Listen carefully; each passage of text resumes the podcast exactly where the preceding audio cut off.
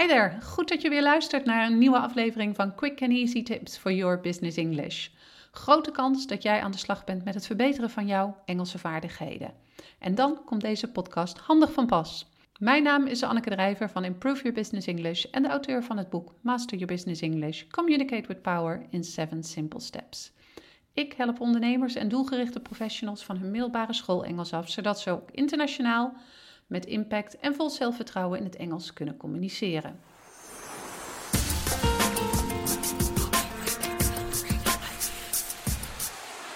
Maar hoe kun jij jezelf nu motiveren om je Engels te verbeteren? Grote kans dat je al eens aan de levende lijven hebt ondervonden dat het heel moeilijk kan zijn om bepaald gedrag vol te houden. Denk maar eens aan het doorzetten van goede voornemens. Je Engels verbeteren kan minstens zo lastig zijn om vol te houden. Dat gebeurt namelijk vaak met gedrag waar geen keiharde deadlines aan verbonden zitten. Niemand gaat je kritiek geven als jij ineens stopt met Engels leren. Net zoals dat je eigenlijk geen duidelijke negatieve consequenties merkt als je ermee ophoudt. Maar toch, je hebt je niet voor niets voorgenomen om je Engels te verbeteren. Je hebt al eens nagedacht over het waarom en je weet dat goede Engelse vaardigheden je meer gaan opleveren. Je hebt door dat je carrière een boost krijgt en dat je er een professioneler zakelijk imago door krijgt bij buitenlandse relaties. Of dat het zakelijke visitekaartje van je site een stuk mooier is als je Engelse teksten sterk en foutloos zijn. Vind je het ondanks het vooruitzicht op de mooie uitkomsten moeilijk om de motivatie vast te houden? Dat is helemaal niet raar en zelfs herkenbaar voor veel mensen.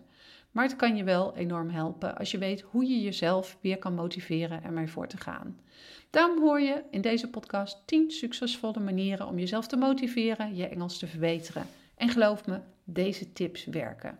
Als je even in een dipje zit of als je even vergeten bent waarom je ook alweer bent begonnen met het verbeteren van je Engels, houd dan de volgende gedachte in je achterhoofd. 1. Om mee te beginnen.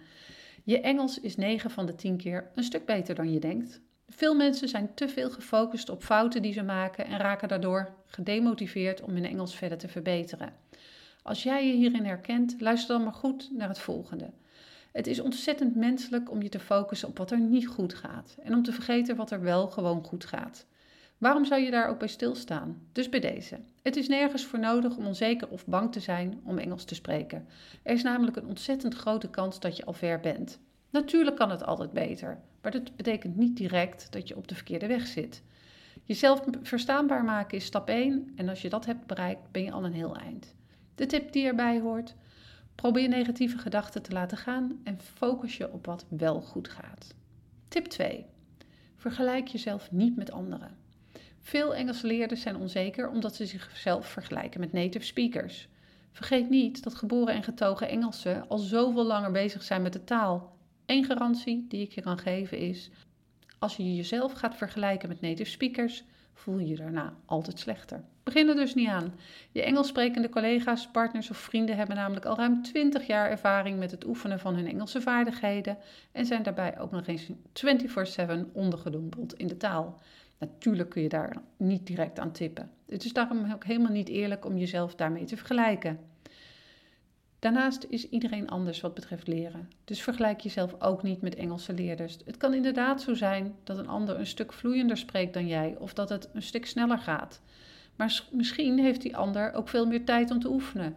Had hij al een stevigere basis of is spreken het enige dat goed gaat en vindt diegene schrijven en luisteren juist verschrikkelijk moeilijk. Focus je dus op je eigen leerproces. Tip 3. Plan pauzes in tijdens het leren. Van alleen maar doorgaan word je niet vrolijker. Dan komt er een moment dat je er helemaal klaar mee bent en dat je er geen zin meer in hebt. De pauzes heb je juist nodig om even op te laden tussendoor, zodat je er weer tegenaan kunt. Eén ding wat je niet moet vergeten is om ook weer een moment in te plannen om door te gaan naar die pauze. Hè? Anders wordt de pauze wel heel lang. Tip 4. Wissel af met wat je leert.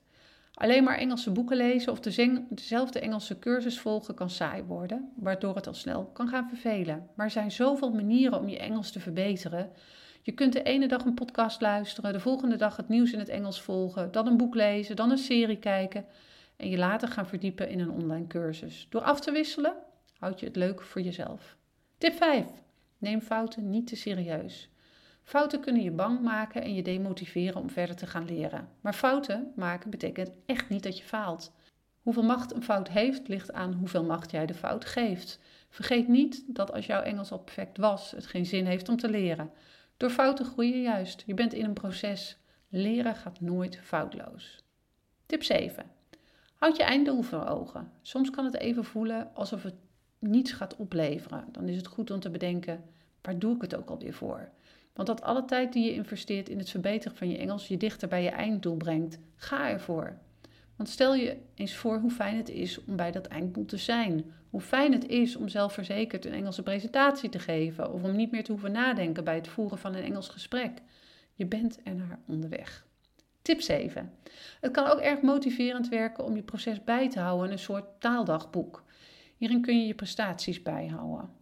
Um, allereerst onthoud je beter wat je hebt bereikt als je het opschrijft, maar daarnaast sta je ook telkens even stil bij de stappen die je hebt gezet in je proces en dat motiveert om verder te gaan. Super handig en leuk. Tip 8. Kleine stapjes zijn oké. Het hoeft niet direct groot te zijn en je hoeft niet na elke les direct verbetering te merken. Daarnaast zijn kleine stapjes vaak ook een stuk makkelijker. Elke dag vijf minuten lezen voor het slapen gaan bijvoorbeeld. Of één podcast onderweg naar je werk. Of elke dag één Engels liedje luisteren waarvan je met jezelf afspreekt dat je de woorden die je niet kent opzoekt.